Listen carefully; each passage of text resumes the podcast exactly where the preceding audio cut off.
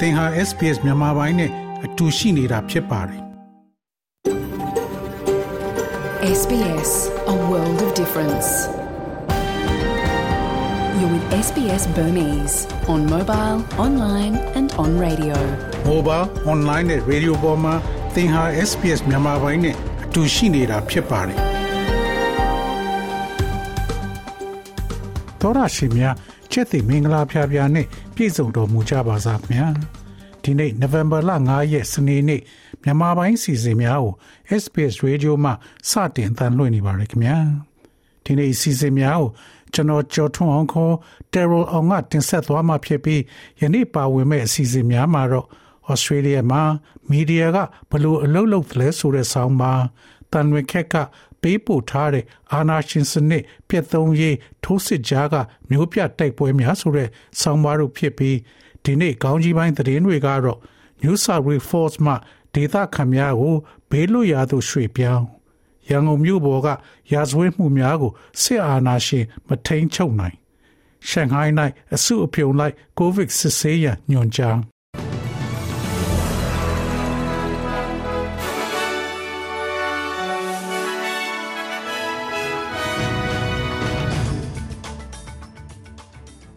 ယခုချိန်ကစပြီးသတင်းများကို ကျွန်တော်ကြော်ထုံးအောင်ကစတင်ဖတ်ကြားပါတော့မယ်။ New South Wales Forbes data မှာဒေတာခမများကိုဘေးလွတ်ရာသို့ရွှေ့ပြောင်းသတင်းပတ်ကုံတွင်မြို့အများပြားတွင်အထူးကရေကြီးမှုများဖြစ်ပေါ်နိုင်သောကြောင့် Forbes မှနေထိုင်သူတထောင်ကျော်ကိုဘေးလွတ်ရာသို့ရွှေ့ပြောင်းပေးခဲ့ပါသည်။ Mara Binji နဲ့တူမတ်မြစ်များအတွက်ကြီးမားသောရေကြီးမှုသတိပေးချက်ကိုလည်းကြေညာထားပါတယ်။ဝါဂဝါဂရှိ ရေကြီးရေရှားမှုများသည် ယမန်ဒီက9.8မီတာအထိမြင့်တက်ခဲ့ပြီးလွန်ခဲ့သောဆယ်စုနှစ်တခုကျော်ကနောက်ဆုံးရေကြီးမှုထက်မြင့်မားခဲ့ပါတယ်။ရေးပေါ်ဝန်ဆောင်မှုများဆိုင်ရာဝန်ကြီး Steph Cook မှဒေတာခံများအားရေလွှမ်းမိုးမှုသည်မြေအောက်ပိုင်းသို့ရွှေလျားလာသည်နှင့်အမျှဒေသတွင် လူမှုအတိုင်းဝိုင်းများသည် လာမယ့်ရက်သပတ်နှင့်လာများတွင် ထိခိုက်နိုင်ပွဲရှိကြောင်းဒေသခံများကိုသတိပေးခဲ့ပါသည်။ ရေဘေးသင့်ရရွာများရှိဒေသခံများအားရေကြီးရေရှာမှုလမ်းမပေါ်များသို့ကားမောင်းနှင်ခြင်းမပြုရန်နဲ့ထပ်မံသတိပေးချက်ထုတ်ပြန်ခဲ့ပါတယ်။ရေကြီးရေရှာမှုတွေမှာကာမမောင်ရဆိုတဲ့ message ကိုထပ်ခါထပ်ခါပြောရင်သင်အနေဖြစ်စေတဲ့သင်မိသားစုဒါမှမဟုတ်သင်ခီးတဲ့တွေကိုအနေဖြစ်စေတဲ့ဆိုတာကို ပြသတာပါ သင်ခက်ခဲကြုံလာတဲ့အခါမှာသင်ခေါ်ဆိုမှုကို တုံ့ပြန်မဲ့ကျွန်ုပ်တို့ရဲ့အရေးပေါ်ဝန်ဆောင်မှုစေနာဝန်ထမ်းများရဲ့အသက်အန္တရာယ်ကိုသင်အနေကြားရောက်စေခဲ့ပါတယ်သို့သော၎င်းတို့အားအမှန်တကယ်ပင်ရှုပ်ထွေးသောအခြေအနေတွင် ဖြစ်စေပါတယ်။ပြီးခဲ့တဲ့ရက်သပတ်တွင် New South Wales SCS သည်အကူအညီတောင်းခံမှု2469ခုကို တုံ့ပြန်ခဲ့ရပြီးရေဝေးကယ်ဆယ်ရေး114ခုလှုပ်ဆောင်ခဲ့ရပါတယ်။ ရန်ကုန်မြို့ပေါ်ကရာဇဝတ်မှုများကိုအာဏာသိမ်းစစ်ကောင်စီမထိန်ချုပ်နိုင်စစ်တပ်အာဏာသိမ်းပြီးနောက်ရန်ကုန်မြို့၌ခိုးမှုလူရက်မှုနဲ့လူသက်အနုချမ်းစီမှုဓမြတိုက်မှုစတဲ့ရာဇဝတ်မှုများနေ့စဉ်နဲ့အမျှဖြစ်ပေါ်နေပါတယ်။ထို့သောနေ့စဉ်နဲ့မျှဖြစ်ပေါ်လာတဲ့ရာဇဝတ်မှုများကိုအာနာသိန်းစစ်အာဏာရှင်က မထိန်ချုပ်နိုင်ဟုရန်ကုန်မြို့နေပြည်သူများကပြောဆိုပါတယ်။ ပြီးခဲ့တဲ့ရက်တွင်ရန်ကုန်မြို့လေကောင်၌ဖြစ်ပွားခဲ့တဲ့ဗဘဲရမ်းမြို့နယ်မြန်မာသစ္စာအိမ်ဆောက်ပစ္စည်းဆိုင်တွင်ဆိုင်သိမ်းပြီးငွေစည်းတွက်နေသည့်ဆိုင်ပိုင်ရှင်တို့ကိုလူ၃ယောက်က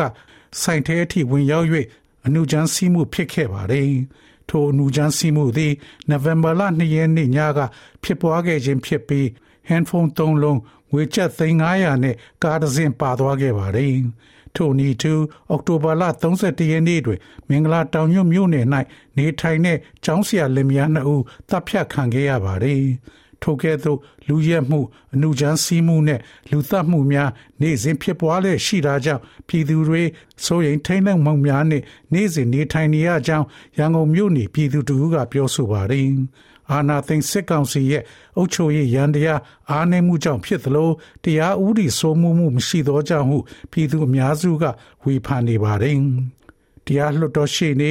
ဦးကြီးမြင့်က သုံးသပ်တာကတော့ဒီစစ်ကောင်စီလက်ထက်မှာပြည်သူလူထုကို အကာအကွယ်ပေးတယ်ဆိုတာလည်းမရှိဘူးသူတို့ကိုသူတို့ကာဝယ်တဲ့လုပ်ငန်းနဲ့သူတို့အာဏာတည်မြဲရေးလုပ်နေတဲ့ဆိုတော့လွတ်မြောက်တဲ့နေရာတွေများများဖန်တီးပြီးတော့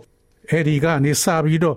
ဥပဒေစိုးမိုးရေးလုံးဝဖြစ်တော့မယ်လို့ပြောဆိုပါတယ်။ရှန်ဟိုင်း၌အစုအပြုံလိုက်ကိုဗစ်16ရညွန်ကြား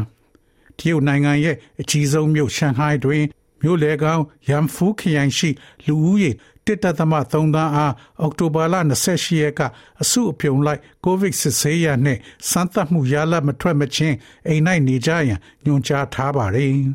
ရှေ့ဘက်ရှန်ဟိုင်းမှစ၍အနောက်ဖျားတိဘက်အထိနိုင်ငံတော်ဝန်တွင် တင်းကျပ်သောစီမံချက်များချမှတ်ထားပြီးအသွာလာပိတ်ဆို့မှုကိုကန့်ကွက်တဲ့စန္ဒပြပွဲများလည်းဖြစ်ပွားလျက်ရှိပါသည်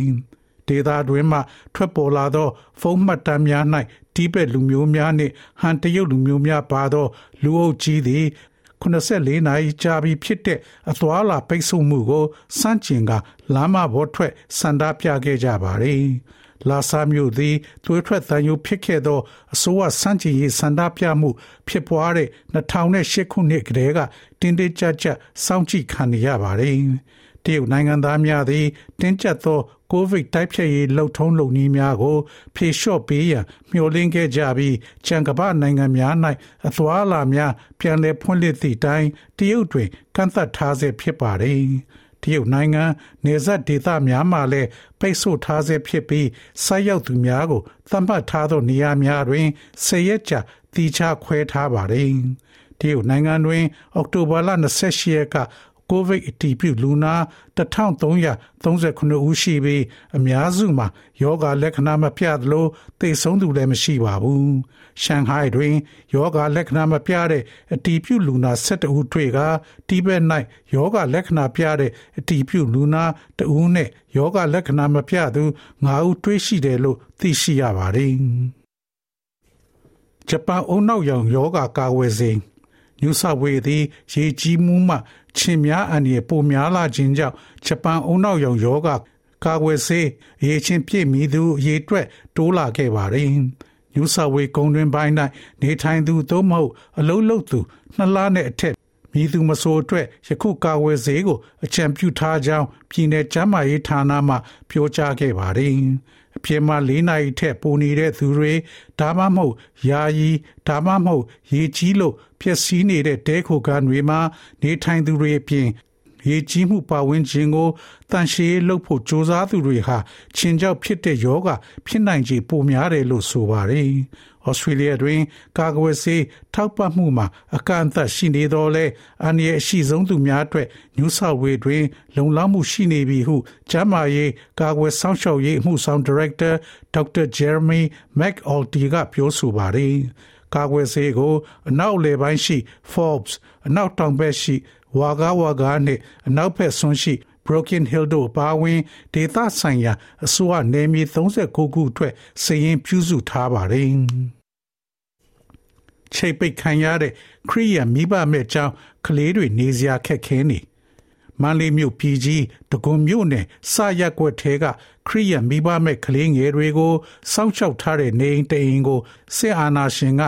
နိုဝင်ဘာလ2ရက်ညပိုင်းမှာချိတ်ပိတ်ခဲ့ပြီးအိမ်မှာရှိနေတဲ့ကလေးငယ်တွေနဲ့ပစ္စည်းအသုံးဆောင်တွေလည်းညတွင်ချင်းဖယ်ရှားခံခဲ့ရပါတယ်။ အဲ့ဒီလိုဖယ်ရှားခံရတာကြောင့်ပစ္စည်းတွေကိုရက်ွက်ဓမာယုံနဲ့နီးစပ်ရာအိမ်တွေမှာထားခဲ့ရပြီးကလေးငယ်တွေကတော့နီးစပ်တဲ့မိတ်ဆွေအတိုင်းဝိုင်းကနေအိမ်တချို့မှာယာယီခိုလုံနေရတာလို့အဲ့ဒီကလေးငယ်တွေကိုထိမ့်သိမ်းဆောင်းလျှောက်ထားသူတူကပြောဆိုပါတယ်။ စစ်ကောင်စီကပြည်သူ့ကာကွယ်ရေးတပ်ဖွဲ့ PDF နဲ့ဆက်နွယ်တဲ့ဆိုတဲ့ဆွဆွဲချက်နဲ့ချိတ်ဖိတ်ခဲ့တာဖြစ်ပြီးအခုကလေးငယ်တွေကိုစောင့်ရှောက်ထားသူတွေကတော့အဲ့ဒီအိမ်ကိုငှားရမ်းနေထိုင်သူတွေလို့ဆိုပါတယ်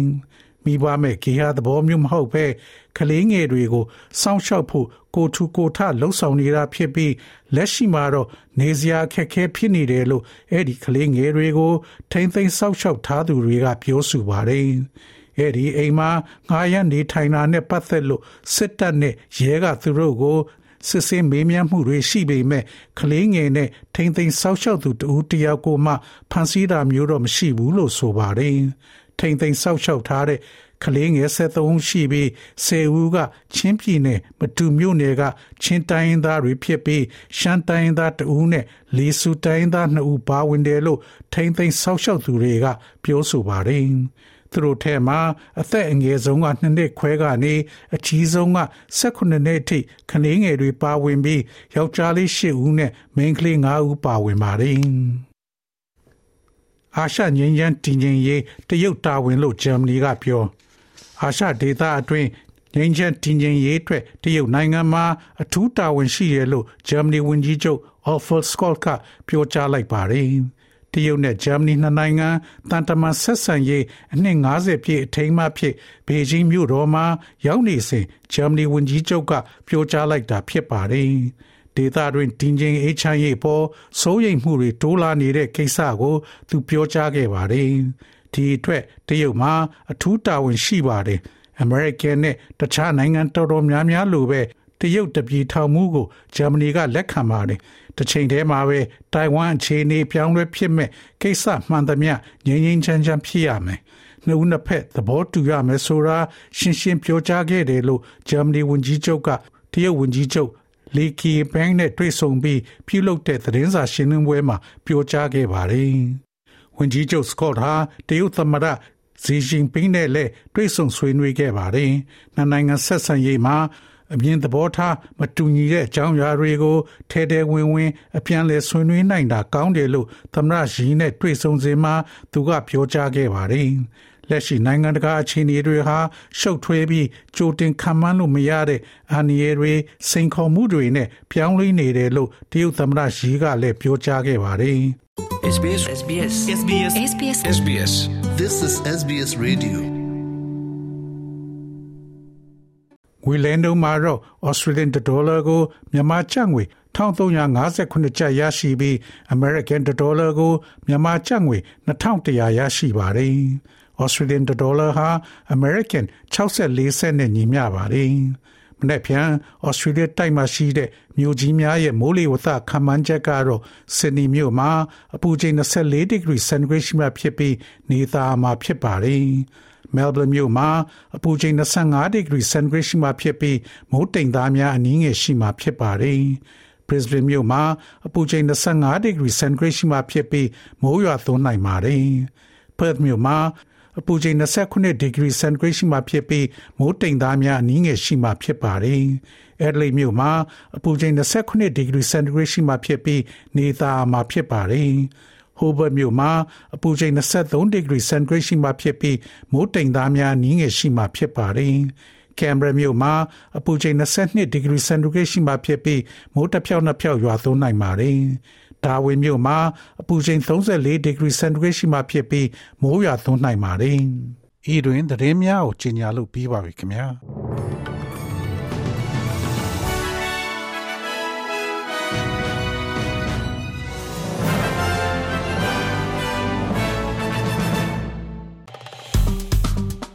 SPS မြန်မာပိုင်းကို Facebook ပေါ်မှာ like ရှာပြီး like မျှဝေမှတ်ချက်ပေးပါ